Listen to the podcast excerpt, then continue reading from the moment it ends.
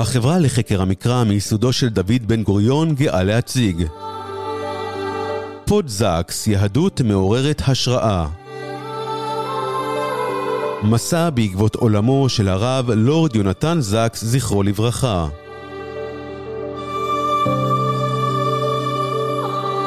בהגשת הרב דוקטור עידו פכטר.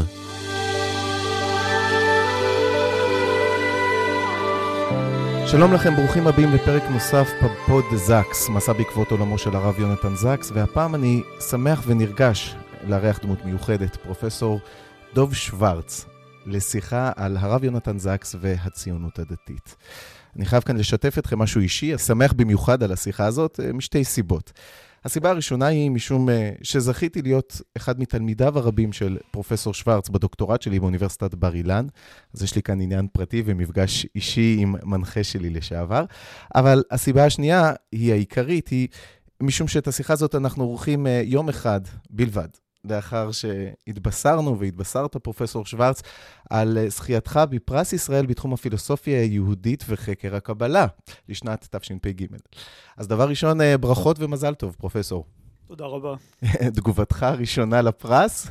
אני מרגיש כמו עיתונאי שמוציא תגובות, אבל הנה, יש לנו סקופ. התגובה המיידית היא הצער ששני הוריי, ניצולי שואת רומניה וטרנסניסטריה, אה, לא נמצאים איתי כדי אה, ליהנות מפרי עמלם. כן. זו ההבלחה הראשונה שעברה בראשי. יפה.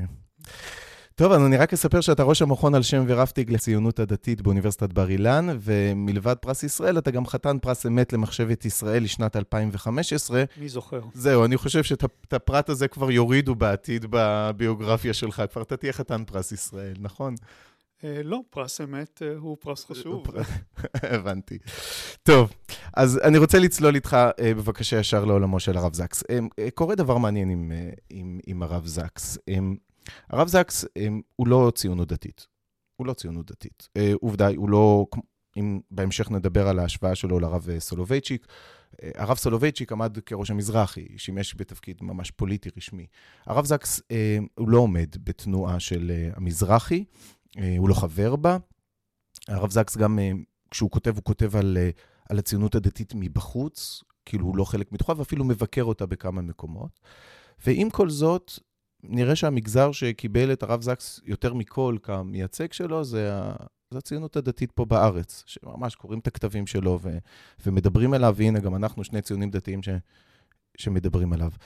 אז מה קורה כאן? הרב זקס היה ציוני דתי? הוא, או לא ציוני דתי? הוא הוגה ציוני דתי או לא?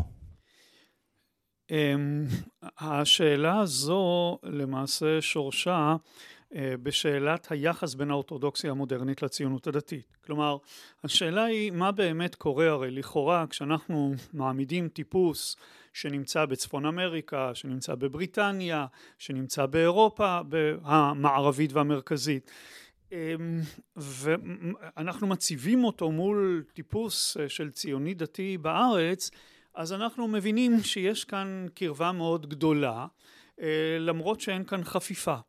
אבל מאז ומתמיד, מאז שהציונות בכלל והציונות הדתית בפרט קמו, אה, והציונות הדתית קמה בשנת 1902, כשהרב ריינס ייסד את המזרחי כסיעה בהסתדרות, יש הבדלים מאוד אה, מהותיים בין יהודים שחיים בחוץ לארץ ובין יהודים שחיים בארץ. זה לא המצאה של הדור האחרון וגם לא של מדינת ישראל.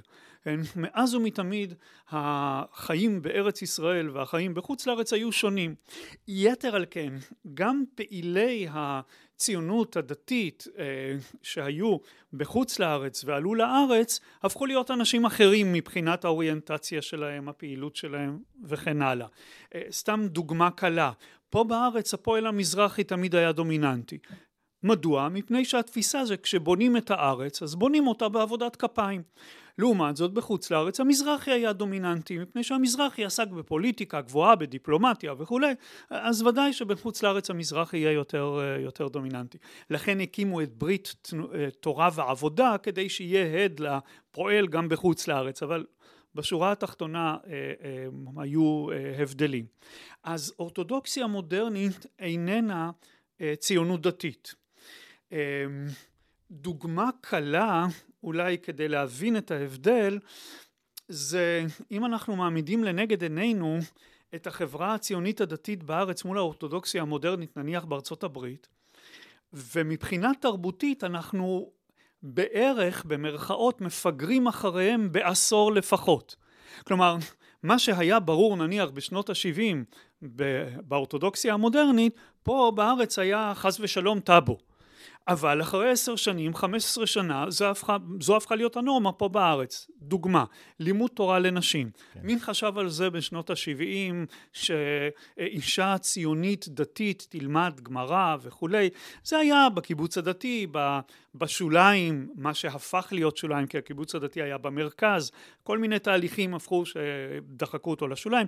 מכל מקום, זה לא היה מקובל בציונות הדתית, ובאורתודוקסיה המודרנית זה היה מקובל. נשים למדו ונשים הרחיבו את הדעת וכולי. ואחרי אה, עשור וחצי, זו הפכה להיות הנורמה שפה. אה, ונורמה שבאה מהמרכז של האורתודוקסיה, לא מאיזה שהם שוליים. כן, לימוד תורה לנשים היום, כשאתה מתבונן בשנים האחרונות ועד היום, אתה מבין שהמהפכה של לימוד תורה לנשים אה, באה מתוך נשים שמכסות ראשן, למשל, אם הן נשואות וכן הלאה. אה, אה, כלומר, זה בא מלב ליבו של, של המוסכמה, של המוסכמה ה, ה, ה, הדתית-לאומית התורנית, אם נקרא לזה כך. אז תמיד אנחנו אה, פה בארץ מפגרים אחרי הנורמות של, ה, של האורתודוקסיה.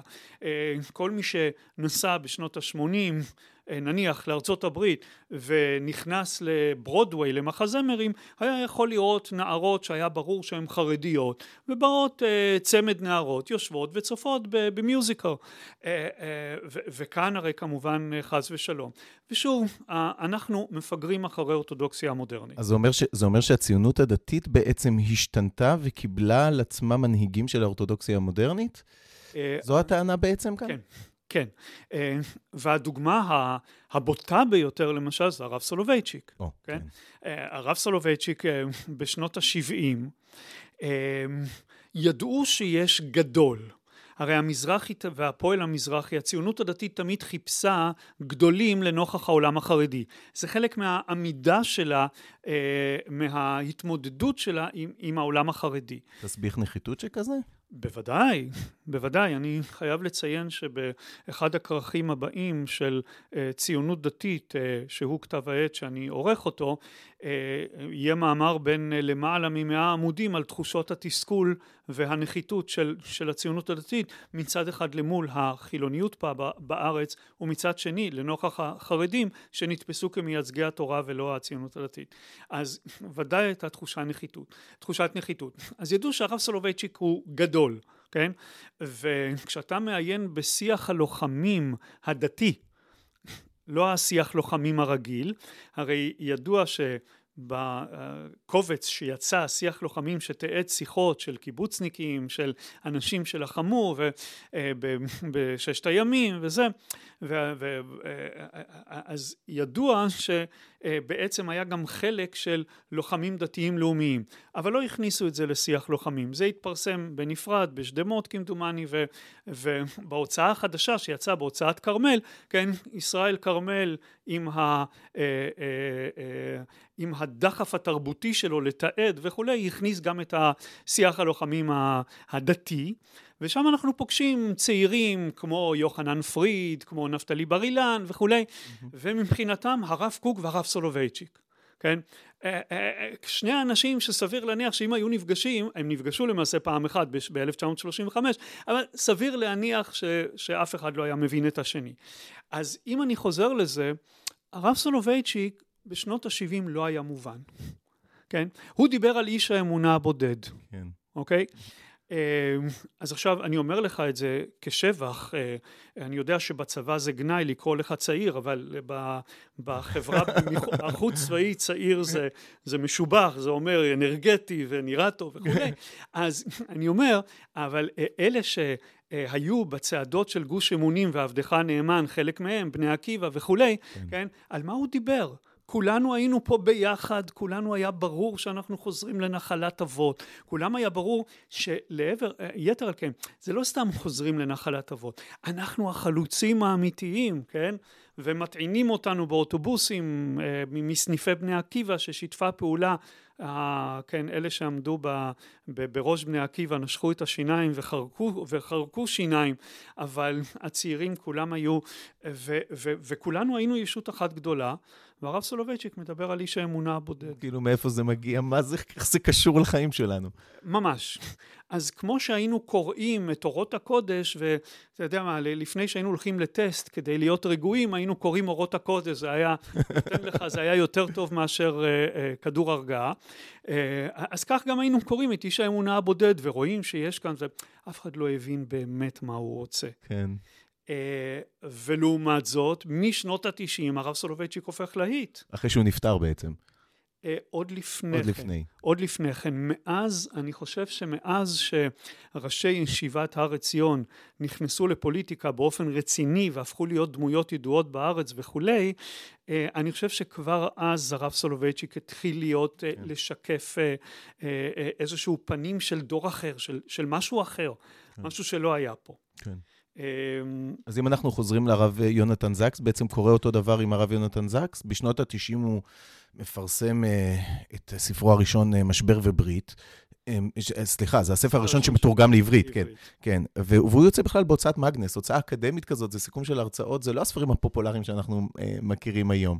Um, ובאמת בהתחלה גם הספר הזה לא כל כך מתקבל בציונות הדתית כאיזה ספר יסודי וחשוב, אבל קורה משהו, ולאט לאט הספרים שלו נכנסים ונכנסים ונכנסים יותר ויותר. אז בעצם השאלה היא לא מה היחס של הרב זקס לציונות הדתית, אלא מה קרה לציונות הדתית שהצליחה לקבל אותו, את השיחה שלו.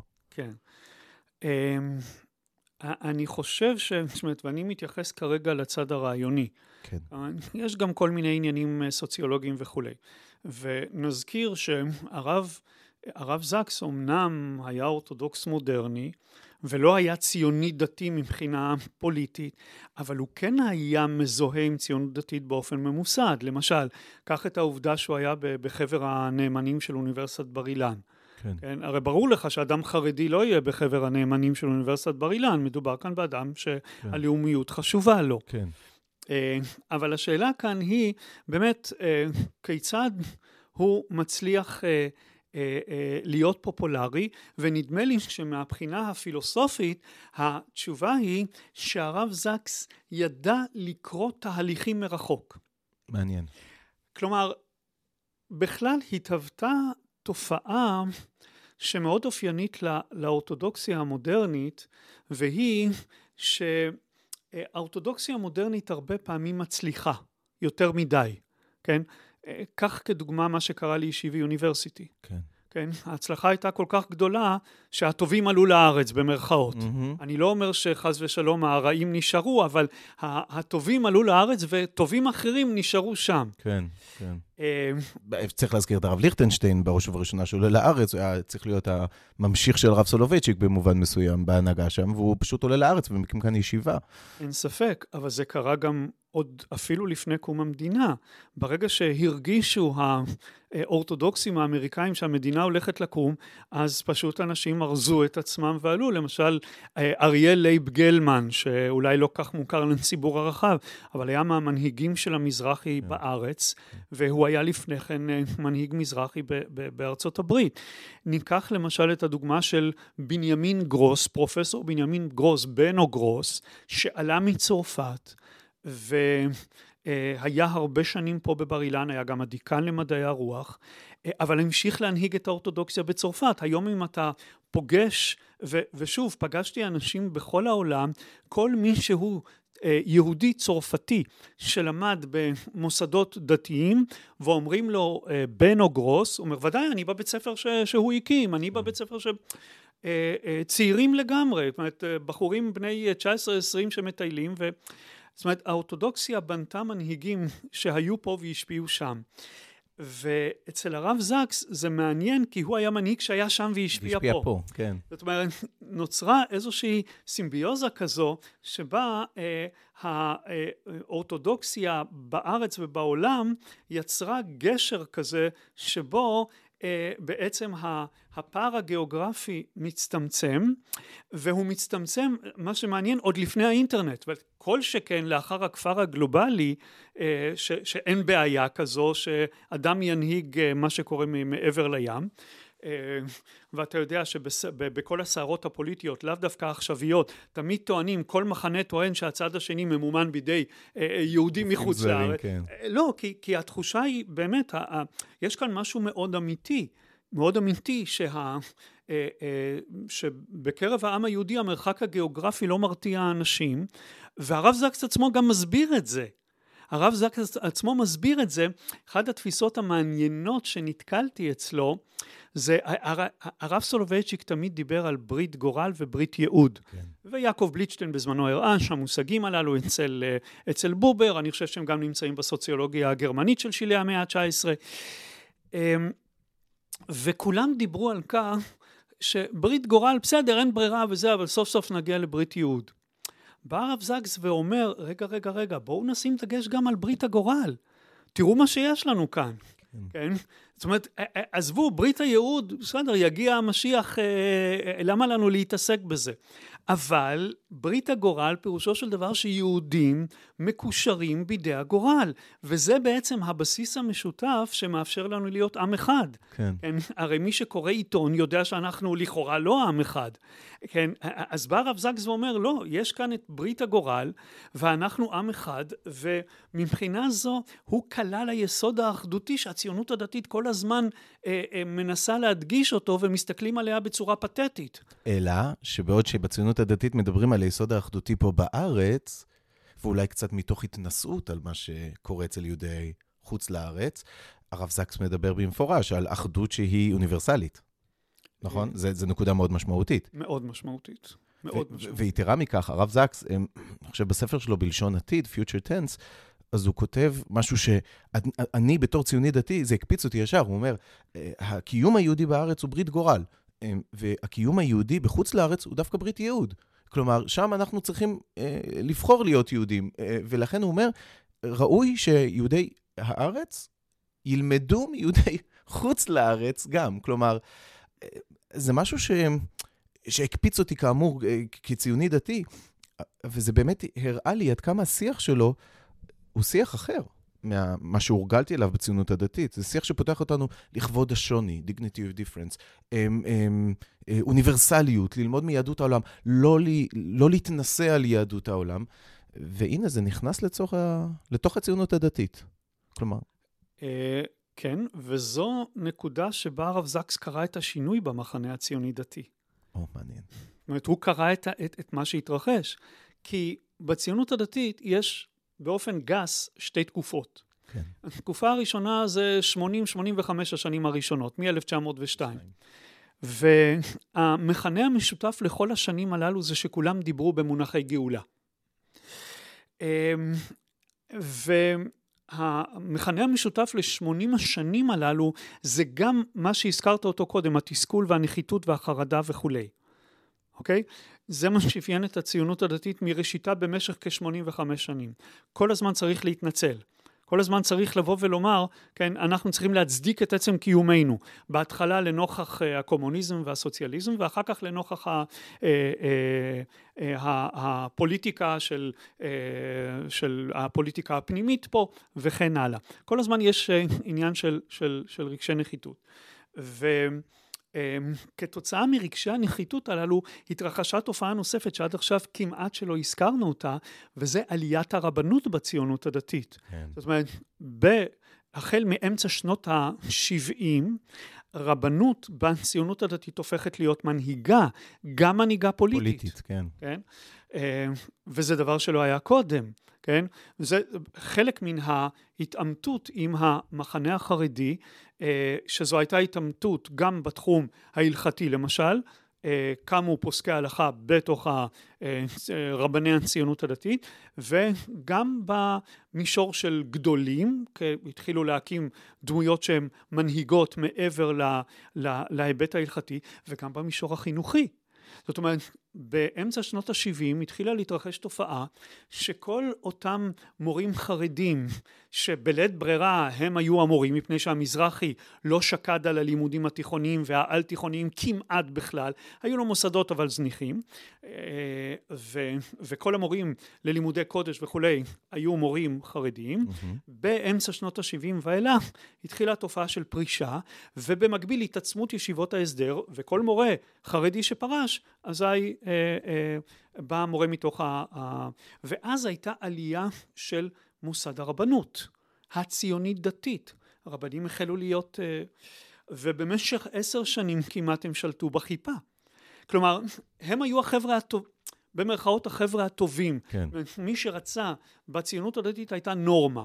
הטובים להסדר, העוד יותר טובים לרבנות, והנעבך וזה ממשיכים ללכת לצבא וכן הלאה. אה, הטובות למדרשות ו- mm-hmm. וכולי, ואז היו רק מדרשות מאוד אורתודוקסיות, כן. אה, ו- והיה ברור מאוד שזה ה- אה, ש- שזו הנורמה. זה עד סוף שנות ה-80. עד סוף שנות ה-80. שלושים השנים האחרונות הסיפור הזה מתרסק. קודם כל... מתרסק, אתה אומר ממש, זו אמירה... נסדק עד כדי ריסוק. בוא, כדי להיות... בסדר? אז אה, אה, קודם כל אה, מה שקורה הסמכות הרבנית נסדקת ואפילו מתערערת בהופעתו של הרב הווירטואלי כן. מאז שמופיע הרב הווירטואלי, אתה כבר לא חייב להתנהג mm-hmm. באופן הזה ש, שבו אתה חושב שמצפים ממך. והרי בוא, חבר'ה צעירים בגיל 16-17 אה, וזה, חושבים על הפריזורה, חושבים על, ה, על, ה, על הביגוד, חושבים על זה, אבל כל עוד שהם היו כל הזמן מונחכים בפני הרבנות, היו נורמות אחרות, כן? כן? אז היה ברור שהחבר'ה זה חבר'ה עם, בוא ניכנס לרגע לאופנה, חבר'ה עם חולצות מעל המכנסיים, ציציות מתנפנפות וכולי. ברגע שהגיע הרב הווירטואלי אז uh, בעצם uh, uh, הרשת נפתחה וההתערות בחברה הישראלית הפכה הרבה יותר משמעותית ואז הערכים של החברה הישראלית כולל הערכים התועלתניים כן. וכולי חדרו גם לחברה הציונית דתית כן. אמ, ואז בעצם קם דור שהוא הרבה יותר פתוח כי בכל זאת רבנות איך שלא נראה אותה היא שמרנית mm-hmm. כן גם uh, הרבנות של הר עציון שהייתה הסמן הפתוח יותר בכל זאת הרב ליכטנשטיין לא מת על מדעי הרוח, אם אנחנו נכון, נזכור את זה. נכון. מוזיקה קלאסית זה בסדר, אבל מוזיקה קלאסית רומנטית, כאילו בטהובן זה בסדר. עזבו אותנו עם שטוקהאוזן ועם כל המופרעים החדשים במרכאות כפולות. זאת אומרת, אה, אה, השמרנות פה פשוט אה, חגגה, כי רבנים עם כל פתיחותם, מעצם התואר אה, שלהם, יש בהם יסוד שמרני, מי כמוך יודע, זה חלק מהביוגרפיה כן, שלך וכולי, כן, כן. וברבנות יש יסוד, יסוד שמרני. והרב זקס קולט את מה שקורה פה. שנייה, אבל מעניין שלא הזכרת לא את הסכמי אוסלו ואחר כך לא את ההתנתקות, הלכת ממש... לא הגעתי עד, עד שם. אוקיי. אנחנו בסוף שנות ה-80. ה-80 עוד, אוקיי. תחילת שנות ה-90, אוסלו אוקיי. זה 92, 3 כן. וכולי, ואחר כך ההתנתקות, ובוודאי, בוודאי, לכן דיברנו על סדק, ועכשיו על אחר כך ההתרסקות. כן. אמ, והרב זקס נמצא שם. הרב זקס נמצא שם, ו... אה, היה לו הכישרון אה, לדבר לכל המחנות. אה, קודם כל הוא נקט בסגנון מאוד פופולרי. זה לא הסגנון של משבר וברית למשל, אותו ספר שיצא במאגנס ולא בכדי. כן. זה כבר, כל הספרים שהזכרת לכבוד השוני, ואלה כבר ספרים שבאים לשוחח עם מה קורה. כן. לא לספר לו מה אמר בובה ורוזנצוויג ו- ו- ו- ומה זה אומר לנו, כן. אלא זה, אלה הם ספרים שבאו לשוחח עם הקורא ולשדר לו בוא נבחן את המציאות שאנחנו נמצאים בה. בוא נראה את העולם הריאלי ובוא נביט בו ישר בעיניים. אבל, אבל, אה, זה לא האופן שבו רבנים אורתודוקסיים מודרניים אמרו, טוב, אם נתבונן לעולם בעיניים, אז בואו נלך לריאליה עד הסוף. אלא הרב זקס היה רגיש להלכי הרוח שמתרחשים גם פה. אוקיי, תסביר את הנקודה הזאת. אז, מה, אז מה, באמת, מה באמת הוא מזהה, ואיך הוא מדבר בשפות השונות אוקיי. בציונות הדתית? אמ, אז בוא, שוב, בוא נחזור לרב סולובייצ'יק ונעמיד אותו כן. מול הרב זקס ונראה מה החידוש הגדול. כן. אה, מדוע לרב סולובייצ'יק לקח כל כך הרבה שנים להתקבל פה, והרב זקס אה, אה, אה, יחסית התקבל פה מאוד מהר, כן? הרב סולובייצ'יק, אה, כאמור, הלך בדרכו שלו, אוקיי? נקודת המוצא שלו הייתה למדנית. לא דיפלומטית ולא אה, מכילה וכולי. נקודת המוצא שלו הייתה המשפחה שלו, הלמדנות שלו, השושלת, עצם העובדה שהוא משתייך לאותה שושלת, אה, מה שהחרדים סירבו לקבל ואחר כך גיירו אותו במרכאות. אה, הרב סולובייצ'יק קודם כל בא מהצד הלמדני. ולכן הציונות הדתית שלו הייתה ציונות דתית אינדיבידואלית. כן? היא הייתה אישית לחלוטין. היא לא כללה שום שיג ושיח עם מה שהתחולל פה בארץ. הרב סולובייצ'יק אמר שהוא בוחר במדינת ישראל כי הוא בודד. הוא בודד, הוא מרגיש מנוכר, הוא חי בעולם מנוכר. מדינת ישראל יכולה לרפא את הניכור שלו. מה זה אומר לגבי מישהו בארץ? על איזה ניכור הוא מדבר? כן. אמ, בחמש דרשות, עד כמה שהן היו פופולריות, כן? המדריכה שלי בבני עקיבא, סמדר שרלו, כיום שרלו, כן. אשתו של, של הרב יובל, כן? אה, הייתה הולכת עם חמש דרשות אה, קבוע מתחת לזה בפעולות שהייתה מע- אה, אה, מעבירה לנו, ואני בתור ילד טוב חנון מיד רצתי ורכשתי את הספר וזה, ולא הבנתי מה, מה הוא רוצה שמה. כן? בסדר, הבנתי את אה, מה שהוא אומר נגד בן גוריון, נגד החילון פה בארץ וזה, הבנתי שיש כאן מישהו שלא מרוצה עם מה שמתרחש פה ו, אה, ו, ואומר, אנחנו, לא טוב שאנחנו לא דתיים, המדינה היא חשובה אבל צריכה להיות דתית. זה, בזה הסתכמה האמירה הציונית דתית שלו, כן? ומכאן ואילך אה, אה, לך צא ולמד את משנתו האקזיסטנציאליסטית כדי להבין מה הוא ציפה מהמדינה ואף אחד לא עשה את זה. כן, אולי אחד עשה את זה, אבי שגיא אחד, אני יודע, הלך וכתב דוקטורט באקזיסטנציאליזם ואחר כך פנה לרב סולובייצ'יק. אבל אנשים לא חשבו אה, לבחון את המקורות של הרב סולובייצ'יק כן. והסתפקו באקזיסטנציאליזם. אה, לעומת זאת, הרב זקס אה, אה, בהחלט האזין. אה, וכשאני אומר האזין, זה לא אומר רק שהוא קרא את האינטרנט.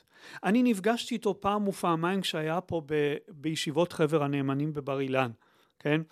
אה, גם אה, נתתי לו את הספר הראשון שיצא, אמונה על פרשת דרכים, על הציונות הדתית, ולמחרת ראיתי אותו יושב וקורא, וקורא בו. זאת אומרת, הוא היה סקרן התעניין בלתי נלאה, בציונות הדתית. סקרן בלתי נלאה. אמ, ו... ומה שקרה פה דיבר אליו לא רק משם, גם כשהוא היה פה, כן, ראית שמדובר באדם שהוא לא רק טקסי, אלא מעניין אותו משהו מעבר לטקסיות. אפילו הרבב הבריטי שדבק בבגדו, הטקסיות אה, אה, אה, אה, הייתה הרי חלק מובנה ממנו, אה, מאישיותו, ועם כל זה הוא היה מעבר לטקסיות. ולמשל, אה, אחת המהפכות שהתרחשה בציונות הדתית בעקבות התהליכים שתיארתי, זה שההגדרה המשיחית של גאולה וכולי נדחקה לצד, נדחקה לשוליים, ממש לשוליים העמוקים של התודעה. היום כבר לא משתמשים. בשם הזה של משיחיות, והוא משום מה צף ועלה בהפגנות אה, על משיחיסטים וכולי, וכמדומני שכשמחמיצים את הנקודה, אז, אז, אה, אז, אז גם המהלך לא יצלח, אבל זה כבר סיפור בפני עצמו. אה, המשיחיות נדחקה לשוליים, ופתאום הציונות הדתית קיבלה מאפיין מינימלי לחלוטין, לא חדש, אבל מינימלי לחלוטין. היום ציוני דתי, ואני יכול לומר את זה אחרי בדיקה של מאות טקסטים ואחרי אה, עשרות שנים של אה, עיון בתחום, היום בשלושים שנים האחרונות ציוני דתי הוא שומר מצוות שמייחס ערך דתי למדינת ישראל. מהו הערך הדתי? משתנה מקיר לקיר. אבל המשותף בין הציונות הדתית אין ציוני דתי שיהיה בבית כנסת שאומרים בו תפילה לשלום המדינה ויצא החוצה. כן. כן? זאת אומרת, כשהיה לי ויכוח ובאו ואמרו כן, אבל בקיבוץ שדה אליהו היה מישהו שיצא, מישהו ש, ש, ש, ש, שלא הסכים להגיד תפילה לשלום המדינה. אוקיי, אבל הוא לא יצא מבית כנסת. זאת אומרת, התפילה לשלום המדינה זה מכונן זהות, כן? עכשיו, לא משנה כרגע מה הערך הדתי שאתה מייחס למדינה. יכול להיות שאלוהים לא נמצא כאן בכלל.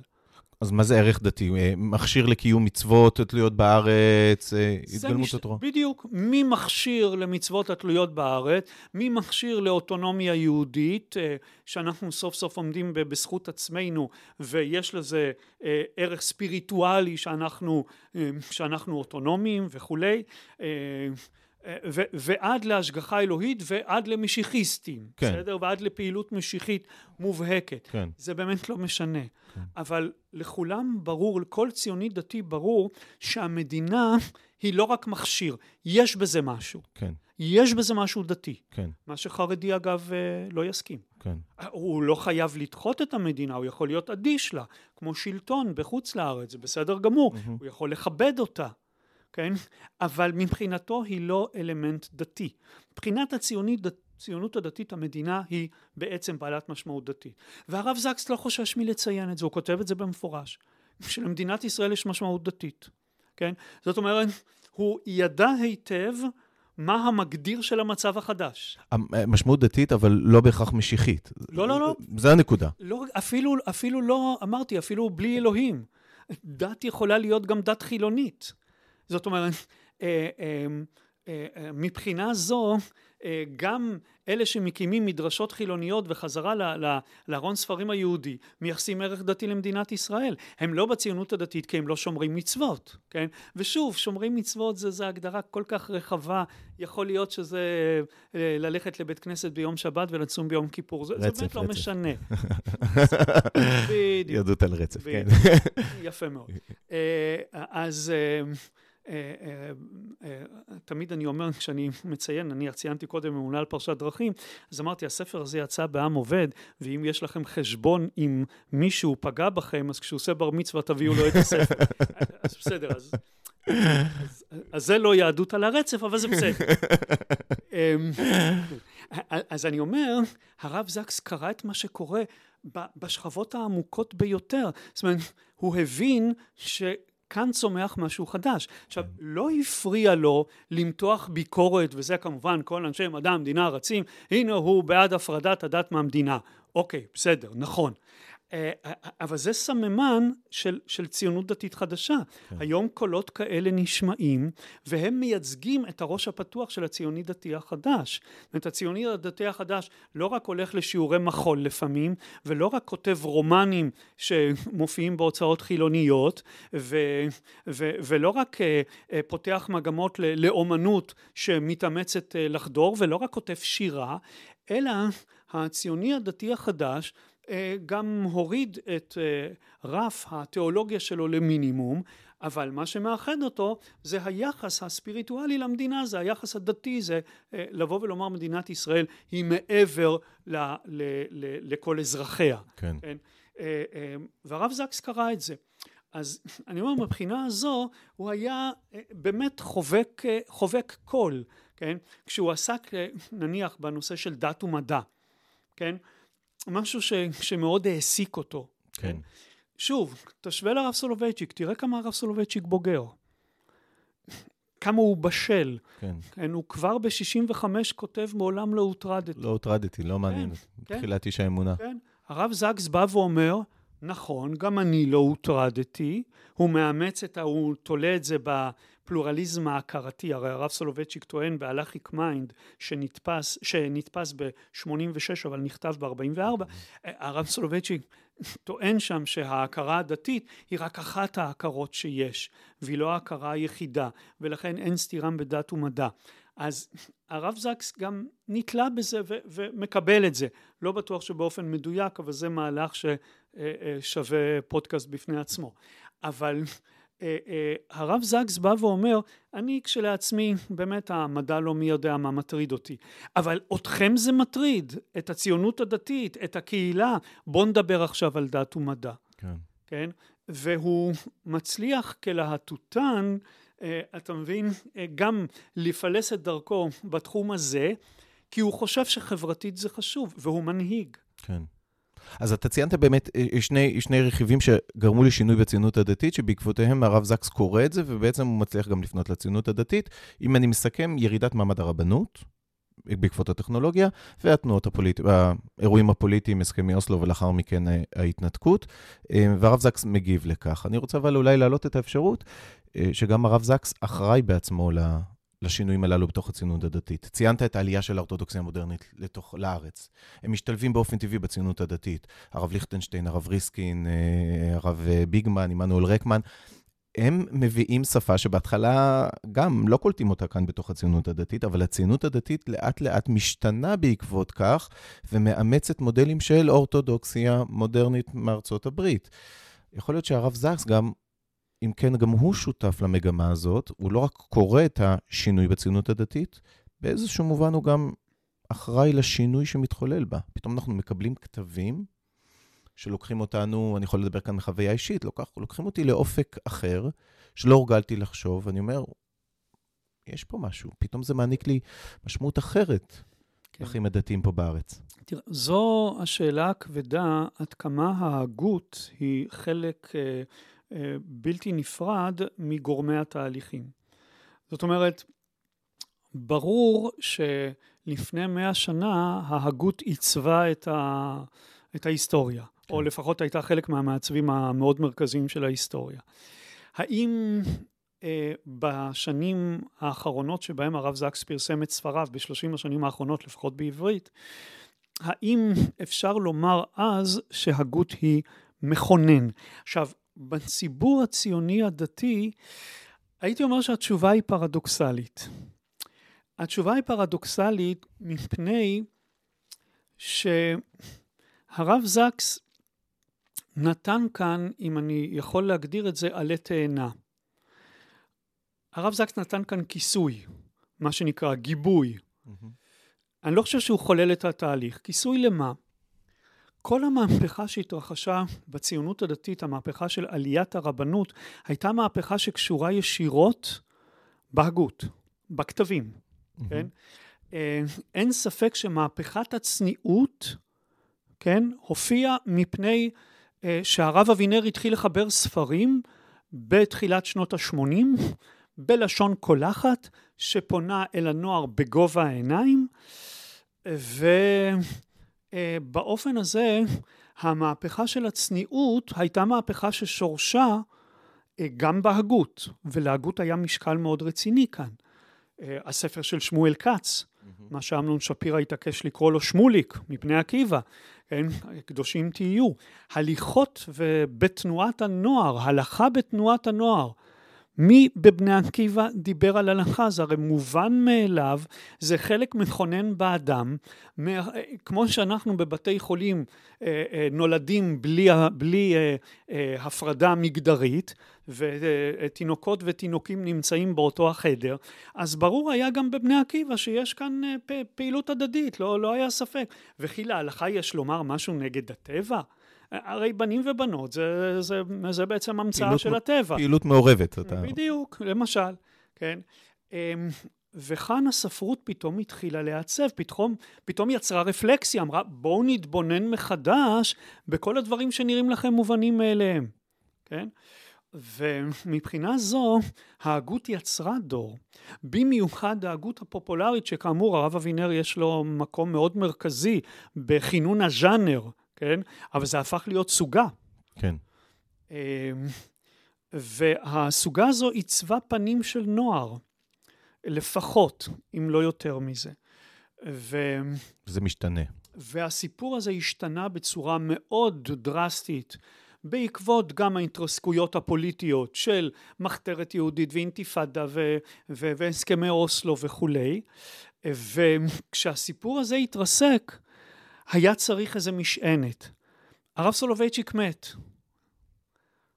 מה לעשות? כי אני אומר את זה בצורה הכי דרמטית, גדול ישראל נפטר כן. ב-1993, וגם כמה שנים לפני כן הוא כבר לא היה פעיל. כן. ולא היה במה להתעלות, בסדר, אנחנו נתלים בעבר, כמו שיש את הרב קוק האב, יש גם את הרב סולובייצ'יק, אבל היה צריך מישהו שייתן את ה... כשם שהרב צבי יהודה נתן את הדלק את הדלק הרעיוני לאירועים של שנות ה-70, ויש כאלה שיטענו שהוא גם כפה את עצמו על תופעה שממילא התרחשה, התסכול וכולי, והוא נתן לזה את הבסיס התיאולוגי. והרב זקס, להבדיל, בין קודש לקודש, יצר את אותם, אותו גיבוי למהפכה של הציונות הדתית החדשה. היה צריך איזשהו אילן להתעלות בו, איזשה, איזשהו קורפוס מסוים שייתן לנו את, ה, את הדלק למה שקורה ממילא. דלק רעיוני? כן. אז, אז עדיין אנחנו, אז עדיין רעיונות והגות, עדיין זה משהו שהוא מכונן בתפיסת העולם הציונית הדתית. בחברה, בקרב הנוער, בקרב הצעיר הציוני דתי, בקרב הישיבות הלאומיות, בקרב המדרשות, בוודאי יש צורך באיזשהו דלק, כי שם מתעסקים בטקסטים. והרב זקס נתן את התשובה המודרנית. היו אגב גם תשובות פה, פה בארץ, כן? אה, כתבים של רבנים צעירים שדיברו בגובה העיניים לציבור, כן? אני לא אתחיל להשוות כרגע וכולי, אחד מהם יושב מולי ומדבר איתי, אבל לא, אה, נוצר דור צעיר ש, ש, שדיבר בגובה העיניים, אה, למשל הרב חיים נבון ואחרים, אבל הרב זקס נתן את ההילה של, אה, של גדול, כן. במובן מסוים. אני לא חושב שהוא חלק מהגדולים שמדובר עליהם בדרך כלל, כן. אבל uh, uh, אני עדיין לא שם אותו, ודאי לא שם אותו, בטח לא כחוקר, ליד הרב קוק והרב סולובייצ'יק, מבחינת גניוס דתי, כן. מה שנקרא, כלומר מבחינת גאונות דתית, כן? כן? אבל ללא ספק הוא העניק אה, איזושהי סמכות אה, ואיזושהי אה, רצינות לנוער שחיפש את זה, לצעיר ש, שחיפש את הגיבוי הזה, והרב זקס נתן לזה. לכן התשובה היא פרדוקסלית. אני לא חושב שהכתבים שלו השפיעו באופן חיובי, כמו שהשפיעו קודם כל באופן שלילי. זאת אומרת, קודם כל, הם באו ואמרו, יש לנו את התמך שלנו, אוקיי? ומי שלכאורה אה, אה, עובר על במרכאות ביטול תורה וכותב רומן, כן? אז זה כבר בסדר, כי הנה הרב זקס נותן לנו את התמיכה לכיוון החדש, ו- וכיום יש ישיבות שאם רב לא, לא כותב רומן, הם לא יקבלו אותו. אה, אה, אז לא, אני, אני אומר את זה ממש בצורה הכי חיובית, ו... ממש בהומור של, לא של חמלה, אלא של, של אהדה ואהבה אה, אה, לתופעה הזו ש, שמתרחשת. אז אני אומר, מבחינה זו הרב זקס בא מן הצד. תמיד הציונות הדתית הייתה צריכה איזה מטאפיזיקה, איזה מישהו שיגיע מהצד המופשט, לא רק מן ה... כן, לא רק מהרבנות אה, קהילה שקרובה אליך במודיעין, בנתניה וכולי, אלא מישהו שנותן לך את ההילה של הכלל עולמי הזו, אותה הילה אה, אוניברסלית, שתיתן לנו את, ה, את הלגיטימציה למה שקורה כאן, והרב זקס סיפק. מילא את זה. טוב, ממש ממש מרתק. אי אפשר לחתום את השיחה הזאת בלי לדבר על, ה, על הציונות הדתית של היום. איך אתה רואה, מבלי להיכנס ולהכניס אותך לעניינים פוליטיים, אתה, יש לך את פרס ישראל לזכות בו,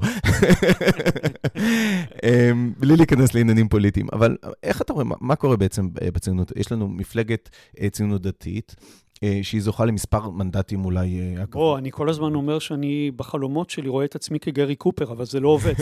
השם לא עובד, השם לא... לא, לא זהו, אז מצד אחד יש מפלגה שקרויה הציונות דתית, שזוכה למספר מנדטים עצום שהציונות הדתית תמיד חלמה עליה. מצד שני, יש ציבור שלם שלא רואה את המפלגה כמייצגת אותו.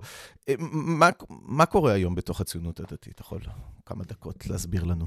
תראה, קודם כל, אתה שואל על הייצוג הפוליטי. עד עכשיו דיברנו על הרבה דברים שיש להם זיקה לפוליטיקה, אבל לא על פוליטיקה. אתה שואל אותי עכשיו שאלה לגבי הייצוג הפוליטי. עכשיו, ולגבי הייצוג הפוליטי, אה, חוקרי רעיון המדינה, אה, כמו חברי אשר כהן ואחרים, יאמרו לך שמאז ומתמיד אה, ציונים דתיים הצביעו למפלגות כלליות. זאת אומרת, הציונות הדתית בנויה מאנשים הרי שיש, שיש להם שני רבדים.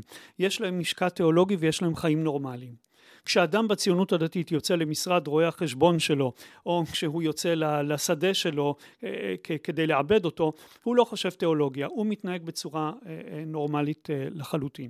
והאיזון הזה בין החיים הנורמליים לבין ההדחקה התיאולוגית תמיד נשמר בציונות הדתית. אחד הביטויים שלו זה ציונים דתיים ראו את עצמם חלק מן המדינה, וברגע שהם רואים את עצמם כחלק מאותה מדינה שהיא לא רק כיסא השם בעולם, אלא המדינה שהיא הכלי לשלמות הדתית וכולי, אז מבחינתם גם אה, המערך או מפא"י או הליכוד או זה מייצגים אותם, וכיום יש עתיד וכולי, mm-hmm.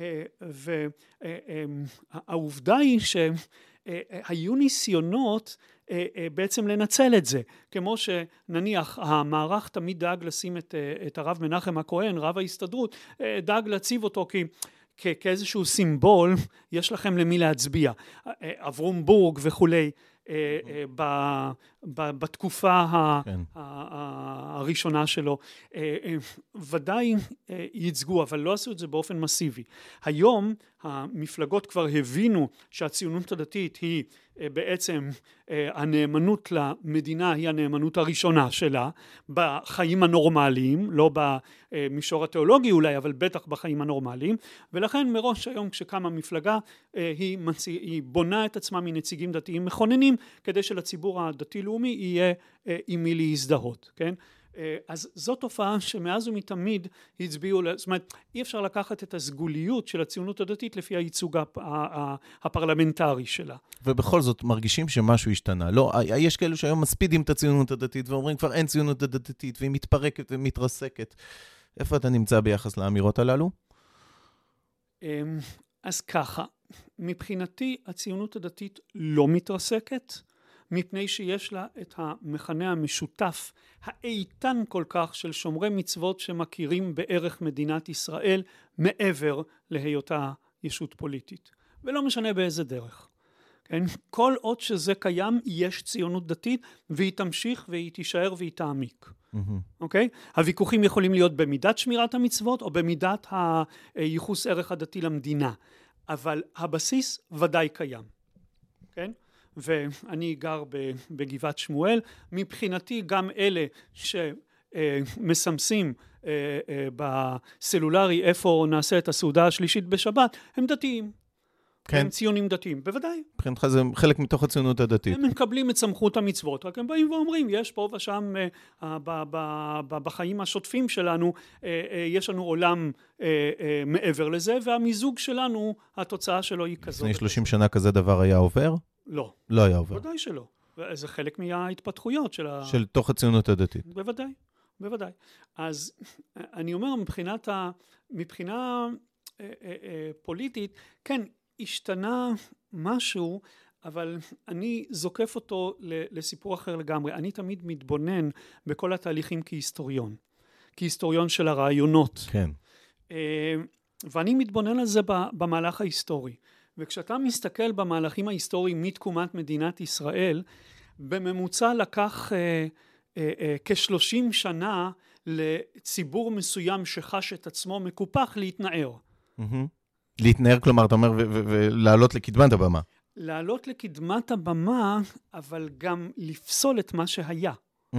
תראה, הדוגמה הקיצונית ביותר זה נערי הגבעות. כשאתה מסתכל על נערי הגבעות, כן?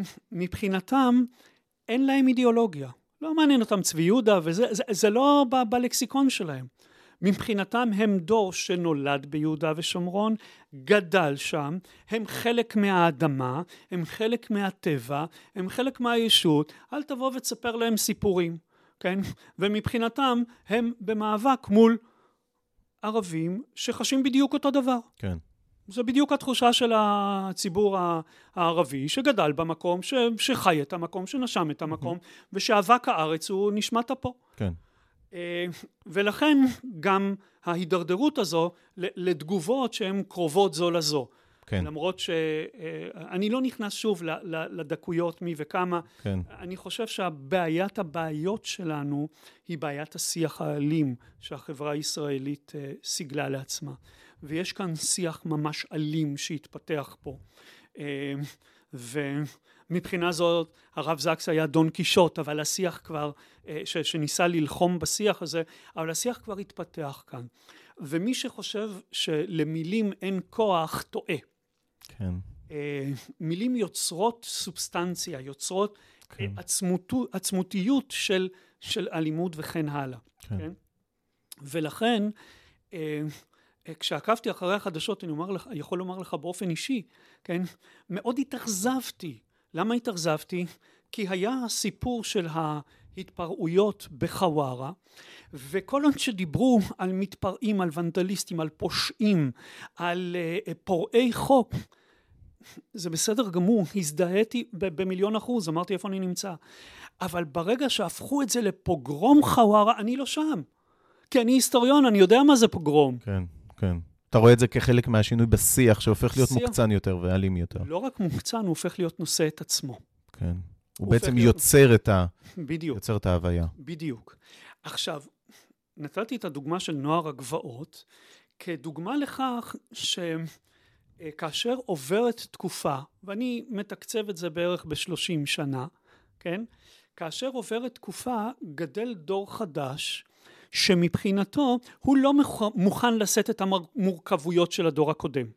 הדור הקודם היה מורכב, כי האנשים שהתיישבו ביהודה ושומרון באו מערים, באו מבני עקיבא, באו מסוציאליזם דתי ששלט פה בארץ בבני עקיבא ללא מצרים, כן? אמ, והאנשים הללו באו מתוך אה, מחויבות ונאמנות עמוקה לארץ ולחוקיה וכן הלאה ונפגשו עם ההתיישבות ביש"ע ואז נוצרה מזיגה מאוד מורכבת. הרב צבי יהודה בהתחלה לא רצה להצטרף לעניין הזה אמר אתם לא מתואמים עם המדינה והצבא איך אני אצטרף לאט לאט הצליחו לגרור אותו לתוך העניין הזה. אבל בסופו של דבר המתיישבים הראשונים הבינו את המורכבות של הסיטואציה והלכו בין הטיפות. כן. לעומת זאת אלה שגדלו פה נוער הגבעות לא מוכנים לקבל. זאת אומרת כל כשלושים שנה פלוס מינוס וכולי צומח דור חדש שלא מוכן לקבל את המורכבות של הדור הקודם כן? לי היה ברור שהמהפכה המשפטית של, אה, של ברק וכולי היא חלק מאיתנו היא מורכבות שאנחנו צריכים אה, לחיות איתה ושהיא אולי גם נותנת את ה... אה, את האתגר של החיים שלנו, mm-hmm. כן? את היהודית ודמוקרטית, כמו ציונות דתית מלכתחילה. ציונות דתית מלכתחילה, יש כאן מתח מאוד גדול, כן? ואני שגדלתי בחיפה, מכיר היטב את המתח המוקצן הזה, גם אתה, כן? כן? אבל אני בכל זאת גדלתי דור לפניך, והמתח המוקצן הזה שבין הסוציאליזם שמעריצים אותו לבין הדתיות. כן. כן? אז גם כאן היה מתח בין היהודית והדמוקרטית וחיינו איתו אה, במכוון כן להפך המתח הציב אתגר המתח יצר גאווה אבל כשיש דור חדש אז אה, יש סיפור שונה כן והשיח הופך להיות יותר אלים ואז מתחיל קיטוב ואז כבר נהיית מורכבות ויש חד-ממדיות ויש נוטים לקיצוניות. אז במקום לשנות את השיח וללכת לחינוך הולכים לכוח. כן. משני הכיוונים. כן. אה, ולהערכתי עד שהחברה הישראלית לא תלך בדרך השיח המחונך והמנומס וה, אה, אה, של הרב זקס אנחנו לא, לא, לא נוכל לחיות פה ביחד אם לא נחשוב על השיח. יפה, תודה רבה, פרופסור דב שוורץ, תודה רבה על שיחה מרתקת. מילה אחת לא אמרתי על פוליטיקה. טוב או... מאוד, אנחנו שומרים עליך. תודה רבה על שיחה מרתקת וגם חשובה, ועוד, אה, ועד כאן עוד אה, פרק בסדרת הפודזקס, מסע בעקבות הגותו ועולמו של הרב יונתן זקס. אני עידו פכטר, שמחתי להיות איתכם בפרק הזה, נשתמע בפרקים הבאים. האזנתם לפודקאסט פודזקס, מסע בעקבות עולמו של הרב לורד יונתן זקס, זכרו לברכה, בהגשת הרב דוקטור עידו פכטר. החברה לחקר המקרא מיסודו של דוד בן גוריון מבקשת את תשומת לבכם לתרומה להמשך פעילות העמותה. לפרטים היכנסו לאתר www.המקרא.org